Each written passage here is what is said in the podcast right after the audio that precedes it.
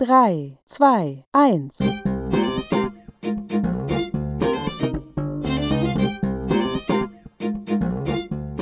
Almanya'da Hayat podcast serimizin birinci sezonuna hoş geldiniz.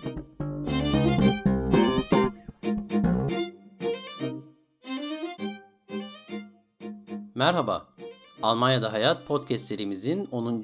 ve son bölümünde Almanya'daki günlük hayattan, aylık düzenli masraflardan, Alman halkının kendine özgü yaşam kültüründen ve çeşitli sosyal alışkanlıklardan bahsedeceğiz. Hemen en başta belirteyim bu bölüm boyunca kullanacağım Alman toplumu veya benzer ifadeler ile sadece anadan atadan katıksız Almanları değil, Almanya'da yaşayan ve bu ülke kültürüne adapte olmayı başarabilmiş tüm insanları kastediyorum. Her ülkenin olduğu gibi Almanya'nın da kendine has bir toplumsal yaşam tarzı ve günlük alışkanlıklar düzeni var. Özellikle dakikliği ve işlerin bir düzene sadık kalınarak yapılıyor oluşunu, genel olarak disiplini ve kuralcılığı Almanya'da ciğerlerinize kadar hissedebiliyorsunuz. Herhangi bir sebepten yapacağınız randevularınızdan iş dünyasındaki hareketli hayata, kişisel ilişkilerinizden para harcama alışkanlıklarınıza kadar Almanya'yı Almanya yapan tüm bu ayrıntılar geçen zaman içerisinde iyice oturmuş ve toplumda herkes için bir ortak payda bir sosyal kültür meydana getirmiş. Şimdi tüm bu küçük ama birleştiğinde koca bir toplumun kültürünü şekillendiren ayrıntıların en dikkat çekenlerini elimden geldiğince anlatmaya çalışacağım. Fakat dilerseniz öncelikle ayrı bir alt başlık olan Almanya'da her ferdin ya da her ailenin yaşamını sürdürebilmek için gereksinim duyduğu yeme, içme, barınma gibi temel insani ihtiyaçlara her ay düzenli olarak ne kadar masraf ettiği konusunu kısaca inceleyelim. En elzem ihtiyaçlar malum mutfakta. Almanya'da mutfak alışverişinizi yapabileceğiniz yöresel ve ulusal birçok süpermarketler zinciri mevcut. Bunların en başında da Lidl, Aldi, Rewe, Edeka, Hit, Netto ve Penny gibi ülke çapında birçok şubesi olan mağazalar geliyor. Tabii ki burada sayamayacağım kadar çok başka mağazalar da var ve hepsinin fiyat ve ürün politikaları birbirinden farklı. Örneğin Edeka ve Hit gibi zincirler nispeten daha pahalı fiyatlarla ürün sunuyorlarken Netto ve Penny gibi mağazaların ürünleri biraz daha bütçe dostu fiyatlara sahiptir. Tabi bu duruma paralel olarak ürün kalitesi de bir miktar farklılık gösterir. Ayrıca bu süpermarketlerin çoğunun kendi markaları da vardır ve herhangi bir üründe mağazanın kendi markasını satın almak X markasını satın almaya kıyasla size ekstra tasarruf sağlayabilir. Peki bir alışveriş arabasını doldurmak kaça patlar? İlk bölümde de bahsettiğim gibi ben Almanya'ya geleli 15 sene oldu. İlk geldiğim dönemde standart bir alışveriş arabasını tıka basa doldurmak orta halli bir mağazada bize 45-50 euro civarında bir tutara mal oluyordu. Şimdi aynı arabayı aynı şekilde doldurmak ortalama 120 euro civarında tutuyor. Tabi 15 sene öncesinde sadece eşimle ikimizken şimdiki haftalık alışverişimizden sebeplenenlere iki küçük boğaz daha eklenmiş durumda. Bu mağazaların yanı sıra bir de artık neredeyse her mahallede bulunan Türk bakkallarımız var. Bu bakkallarda Türkiye'de bulabileceğiniz hatta kimi zaman Türkiye'de bile bulamayabileceğiniz her türlü ürünü bulmak imkan dahilinde.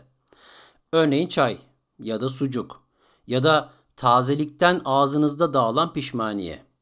Kinayeli söylemiyorum. Hem Türk damak tadına uygun hem de son derece taze ve günlük ürünleri bu bakkallarda bulmak mümkün. Türk bakkalına da 2-3 haftada bir gidiyoruz ve her gidişte ortalama 70-80 euro civarında orada bırakıyoruz.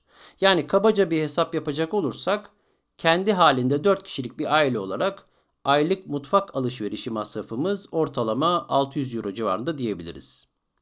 Yeme içmenin dışında bir de tabii ki her ay düzenli olarak ödemeniz gereken faturalar var. Örneğin elektrik faturası.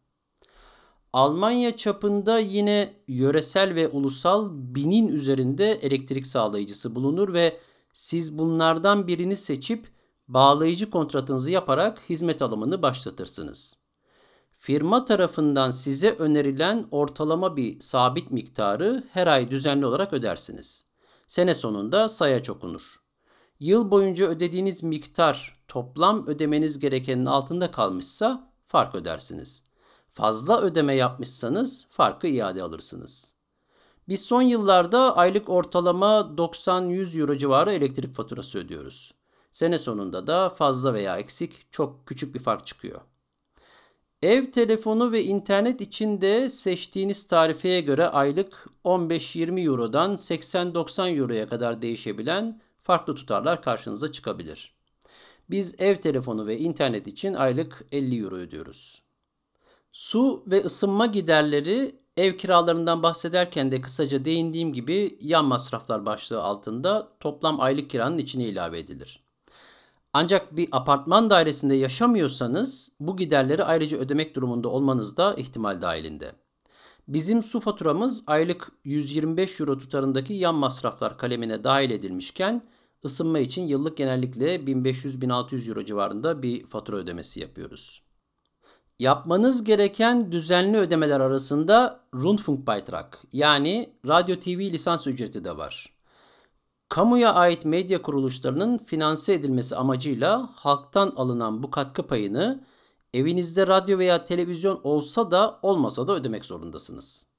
Söz konusu tutar aylık 17 euro 50 centtir ve genellikle 3 aylık tutarlar birleştirilerek ödenir. Sanırım bu ödemeyi Türkiye'deki TRT vergisine benzetebiliriz. Bir diğer önemli masraf kalemi de sigortalar.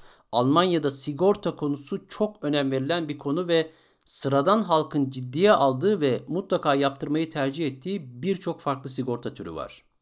Bizim özel hayat ve araç sigortalarımız haricinde çocuklarımız için yaptırdığımız gelecekleri ve sağlıkları ile ilgili bir takım sigortalar, ferdi kaza sigortamız, konut sigortamız, üçüncü bir şahsın herhangi bir eşyasına veya bizzat kendisine istemeden bir şekilde zarar verecek olursak doğabilecek masrafları üstlenen sigortamız ve herhangi bir sebepten mahkemelik olursak avukat ve mahkeme masraflarını üstlenen sigortamız var. Bunların çok şükür neredeyse hiçbirini kullanmak zorunda kalmadık şimdiye kadar. Ancak inanın bana Almanya'da neredeyse her ailenin ya da ferdin benzer sigortaları yaptırdığını ve bu konunun çok önemsendiğini söyleyebilirim. Tüm bu sigortalara da ortalama bir aile için aylık 400 ila 500 euro arasında ödeme yapıldığını varsayabiliriz.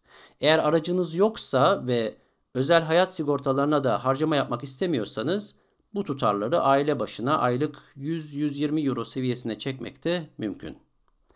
Kısaca toparlayacak olursak Almanya'da sıradan bir ailenin aylık ortalama sabit giderleri kira haricinde 800 ila 1200 euro arasında değişir diyebiliriz. Tabi bu tutarlar yine ailenin yaşadığı şehir, çocuk sahibi olup olmadığı, özel otomobil veya toplu taşıma araçlarını kullanıp kullanmadığı gibi başka bir takım etkenlere bağlı olarak farklılıklar gösterebilir. Mutfak alışverişini yaptınız, yediniz, içtiniz, epeyce de çöp birikti. Akşam yemeğini hazırlarken soyduğunuz patateslerin kabukları, yumurtanın karton kutusu, içtiğiniz sütün tetrapak ambalajı ve tabii tükettiğiniz balın cam kavanozu her biri ayrı ayrı çöplere gider. Evimizde normal atık, biyo atık, plastik içerikli ambalaj ve karton için olmak üzere 4 farklı çöp kutusu kullanıyoruz.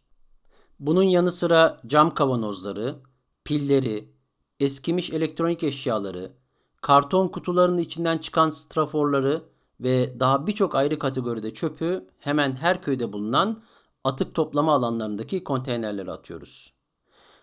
Alışveriş konusundan çok fazla uzaklaşmadan önce kısaca bir konuya daha değinmek istiyorum. Almanya'da kredi kartlarının birçok yerde geçmediği konusu sadece bir söylentidir diyemeyiz. Gerçekten de 3-5 sene öncesine kadar büyük marketler zincirlerinde bile kredi kartı kullanarak alışveriş yapmak mümkün değildi. Daha küçük çaplı dükkanlarda yapacağınız alışverişlerde olsun, eğlence yerlerinde veya restoranlarda olsun birçok yerde yanınızda nakit para taşımanız gerekebiliyordu. Ancak bu alışkanlık son yıllarda değişmeye başladı. Zaten uzun süredir büyük alışveriş ve eğlence yerleri ya da farklılaşan alışkanlıklar nedeniyle mevcut müşterilerini kaybetmek istemeyen orta çaplı iş yerleri Türkiye'de debit kart ya da bankamatik kartı olarak bildiğimiz Etsy kartı ile ödeme alıyordu. Artık son dönemde birçok iş yeri kredi kartını da kabul etmeye başladı. Ancak yine de tedbirli olup bir miktar nakit para taşımakta fayda var tabii. Hazır paradan bahsederken Almanların tasarrufa çok önem veren bir millet olduğunu da belirtmem gerek. Artık savaş zamanlarındaki zorluklardan kaynaklı olarak yerleşmiş bir alışkanlık mıdır yoksa farklı sebepleri var mıdır bilmem ama halk genellikle para biriktirmeyi ve satın alacağı hizmet veya ürünlerle ilgili detaylı bir fiyat kıyaslaması yapmayı adet haline getirmiş. Bunun yanında alışveriş yerlerinin indirim kuponlarını toplama, çeşitli kartlar ve mobil uygulamalarla puan biriktirme, markaların ve süpermarket ürünlerinin indirim günlerini takip etmede tasarruf konusuyla ilgili yerleşmiş alışkanlıklardan. Alman toplumu genellikle dakiktir. Plan program yapmayı, yapılan plana harfiyen uymayı, kişisel veya işle ilgili tüm görüşmelerin belli bir süre öncesinden termin yani randevu yapmayı ve bu görüşmeler için sözleşilen saatten 5 dakika önce belirlenen yerde hazır bulunmayı çok önemser ve aksi davranışı saygısızlık olarak görür. Almanya'da saat 15 gibi buluşuruz olmaz. 15 civarı olmaz. 15 olur. Hatta 14.55 olur. Almanya'da insanlar kişisel alanlarına çok önem verirler. Hem manevi hem de fiziksel anlamda. İnsanlar birbirlerine özel hayatla ilgili sorular sormaya çekinir. Fiziksel kişisel alanınız ise kol boyu ölçünüz ile belirlenir. Yani kolunuzu vücudunuza 90 derece bir açıyla kaldırdığınızda parmaklarınızın ulaştığı mesafe içinde kalan alan sizin kişisel alanınızdır ve yeni tanışmış veya birbirini hiç tanımayan insanlar birbirleriyle muhatap olurlarken bu alanı ihlal etmemeye özen gösterirler. Çok önemli bir başka ayrıntı da Almanya'da insanlar herhangi bir sebepten ayıplanacak veya utanılacak bir duruma düşmekten oldukça çekinirler. O yüzden hem işlerinde hem de özel hayatlarında mümkün olduğunca hata yapmamaya gayret ederler. Yanlış bir davranışta bulunanlar veya herhangi bir hata kafa sallama yoluyla cezalandırılır.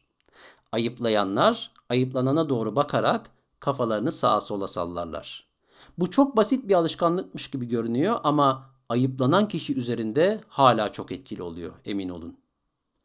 Alman halkı birçok diğer Avrupa ülkesinin halklarına kıyasla çok daha çalışkan bir toplum. Özellikle de Güney Avrupa ile kıyasladığınızda. Bunun yanında mevcut çağın getirdiği birçok alandaki yozlaşmalar tabii ki Almanya'yı da etkiliyor. Fakat yine de Almanya hala çoğunlukla işini doğru yapmaya çalışan insanların ülkesi. Yine bu çalışkanlıkla ve planlılıkla paralel olarak hayat Almanya'da çok erken başlıyor. Sabah saat 5.30-6'da şehir içinde trafiğe takılmanız veya istasyonlarda kalabalıklarla karşılaşmanız son derece muhtemel. Tabi bu durumun bir sonucu olarak da insanlar genellikle en geç 22'de yataklarına girmiş oluyorlar ki zaten bu saat aynı zamanda mutlak sükunet zamanının da başladığı saattir. Bu saatten sonra artık evinizde dahi hiçbir gürültülü iş yapamazsınız. Yere sürteceğiniz sandalyenin gıcırtısı bile alt komşunuzun şikayetine sebep olabilir. Almanya'da Ruhezeit olarak anılan ve gece 22'de başlayıp sabah genellikle 7'ye kadar süren bu zaman dilimi pazar günleri ve resmi tatillerde tüm günü kapsar. Pazar günleri ve resmi tatillerde ayrıca iş yerleri ve alışveriş merkezleri de çok büyük çoğunlukla kapalıdır. Yani Türkiye'de olduğu gibi gideyim de bir AVM'de vakit geçireyim ya da pazar günü çıkayım da alışverişlerimi halledeyim deme imkanınız pek olmaz.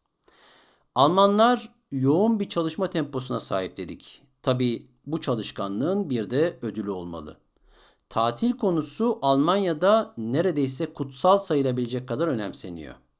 İnsanlar doğal olarak hak ettikleri ve insanca yaşamanın gereklerinden biri olan tatillerini mümkün olan en iyi şekilde değerlendirmek istiyorlar. Tatiller genellikle çok önceden planlanıp rezervasyonlar yapılıyor. Kışın genellikle kar sporlarıyla ünlü yörelere gidenler yaz günlerinde yapacakları tatillerini dünyanın herhangi bir köşesinde deniz ve güneşin tadını çıkararak geçiriyorlar. Almanya'da herhangi bir iş yerinde işe yeni başlamış bir çalışanın bile 28 gün senelik izni olur. Kıdemine ve iş yerinin senelik izin politikasına bağlı olarak bu günler artabilir.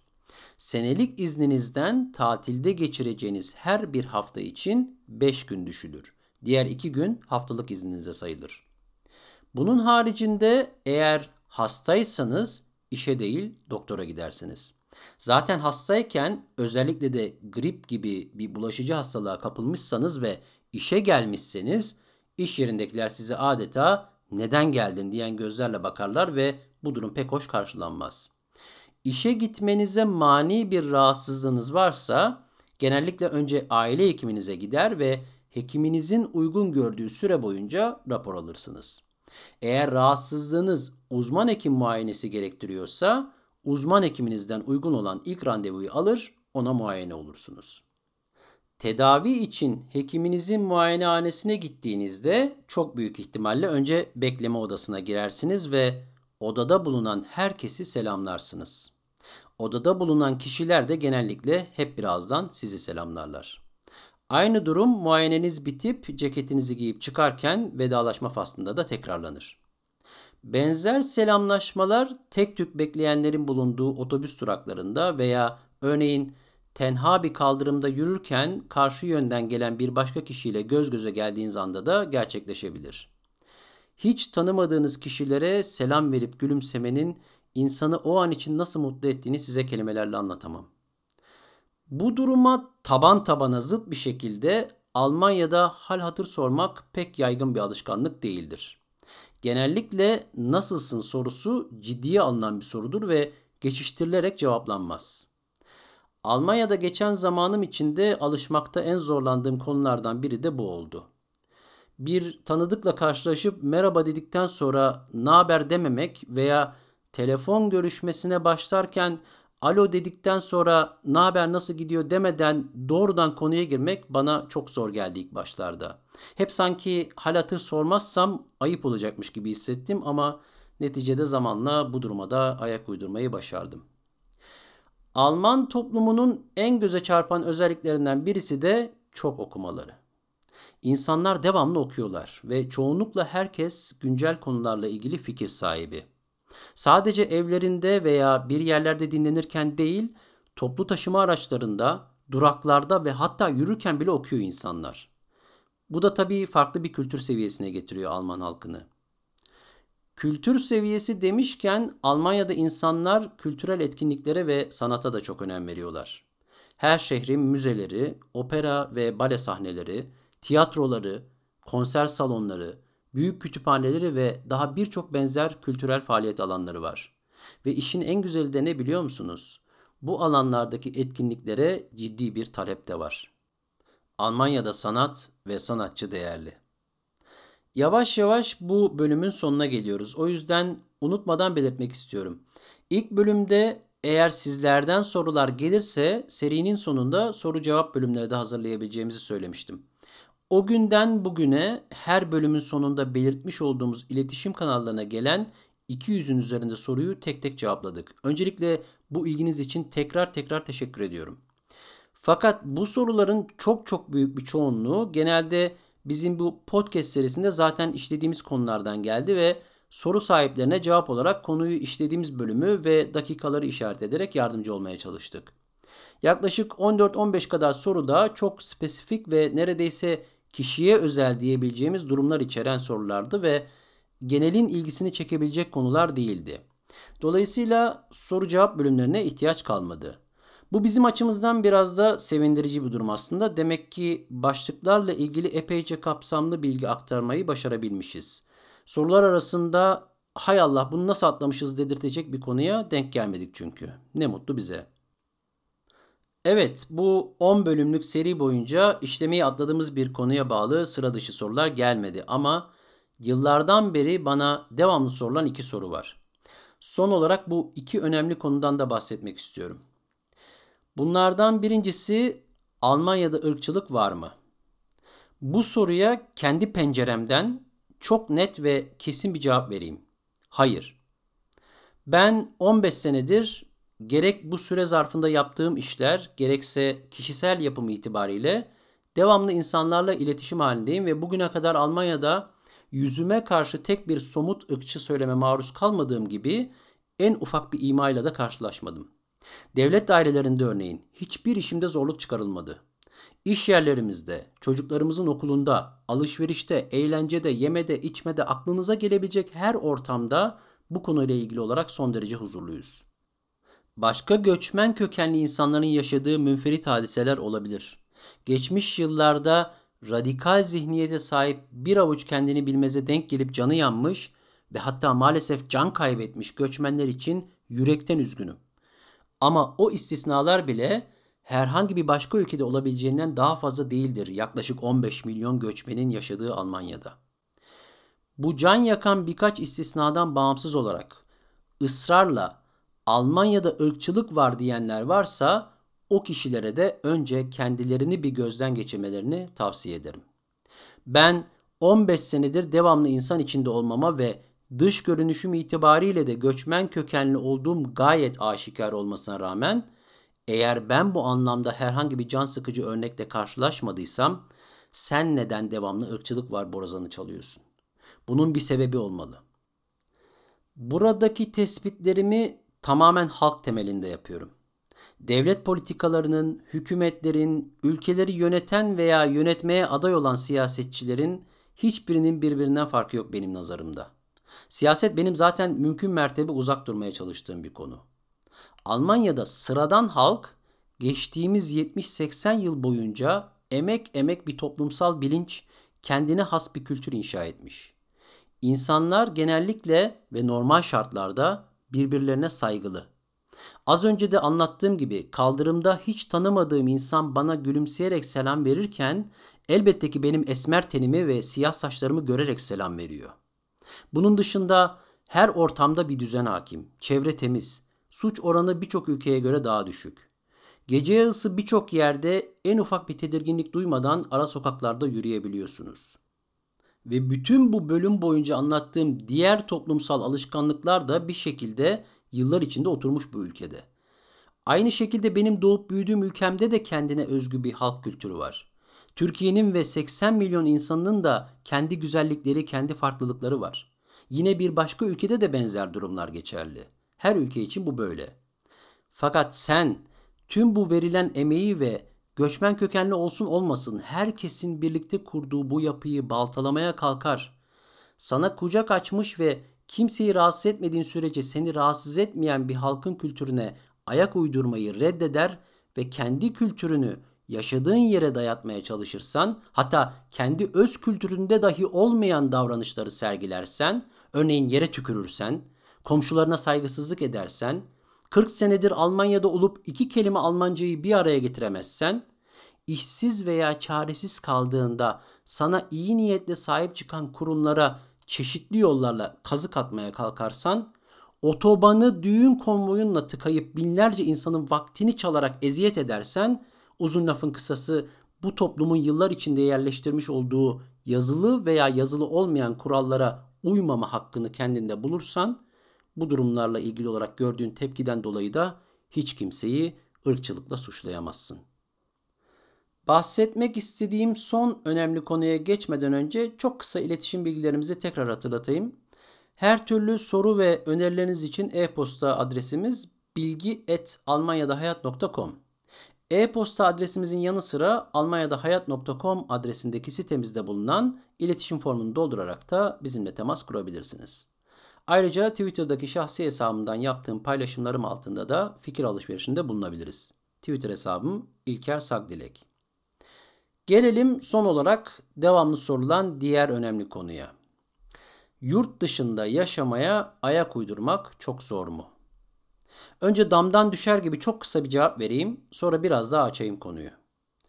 Eğer yurt dışında yaşama niyetiniz varsa ciddi bunalımlara hazır olun. Ben Türkiye'den 26 yaşımda ayrılıp İspanya'ya yaklaşık 40 güzel dostumla birlikte yerleştim. Ama hiçbirimiz o bunalımlardan kaçamadık. Hatta henüz birinci sene dolmadan sayımız 20'ye düşmüştü.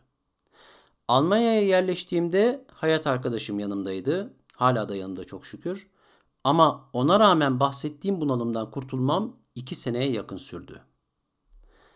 Değerli dostlar, eğer Almanya'ya yerleşmek niyetine girmişseniz bilin ki hayatınızı kökünden değiştirmek ve hiç ama hiç alışık olmadığınız bir düzene ayak uydurmaya aday olmak üzere bir karar vereceksiniz.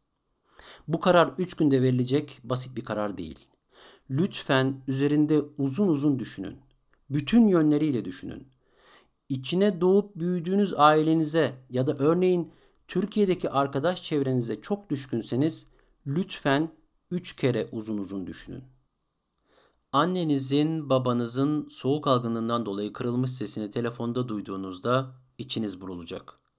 Belki dedeniz, anneanneniz veya bir başka sevdiğiniz büyüğünüz vefat edecek, son nefesinde yanında hatta cenazesinde bile olamayacaksınız. En yakın dostunuz evlenecek, belki birlikte hep hayalini kurduğunuz nikah şahitliğini yapamayacaksınız. Ve en nihayetinde birçok yakınınız için hem gözden hem gönülden ırak olacaksınız. Her şeye rağmen kesin bir şekilde kararınızı verip tüm bürokratik işlemleri gerçekleştirip Almanya'ya yerleşmiş ve çalışmaya başlamışsanız ilk iki sene çok önemli. Bunu da bilmelisiniz. İlk iki seneyi atlattıktan sonra birçok şey çok daha kolaylaşmaya başlıyor. Kararınızı sorgulamaktan vazgeçiyorsunuz. Aksine iyi ki dediğiniz durumlar artmaya başlıyor. O yüzden eğer bu kadar önemli bir karar vermeyi başarıp hayatınızın akışını değiştirmişseniz, ilk iki senede yaşayacağınız geçici ruhsal sıkıntılardan dolayı bütün emeklerinizi heba etmeyin. Demem o ki, naçizane tavsiyem, ya gelmeyin ya da gelin ve kalın. Bu dünyanın kafaca sağlıklı ve mutlu bireylere ihtiyacı var.'' Beni haftalardır dinlediğiniz ve gösterdiğiniz ilgi için yürekten teşekkür ederim. Umarım bir tek kişinin dahi olsa hayatına, kalbine dokunabilmişimdir. Bir gün bir yerlerde karşılaşmak üzere. Bizi paylaşmayı unutmayın. Kendinize iyi bakın. Hoşçakalın.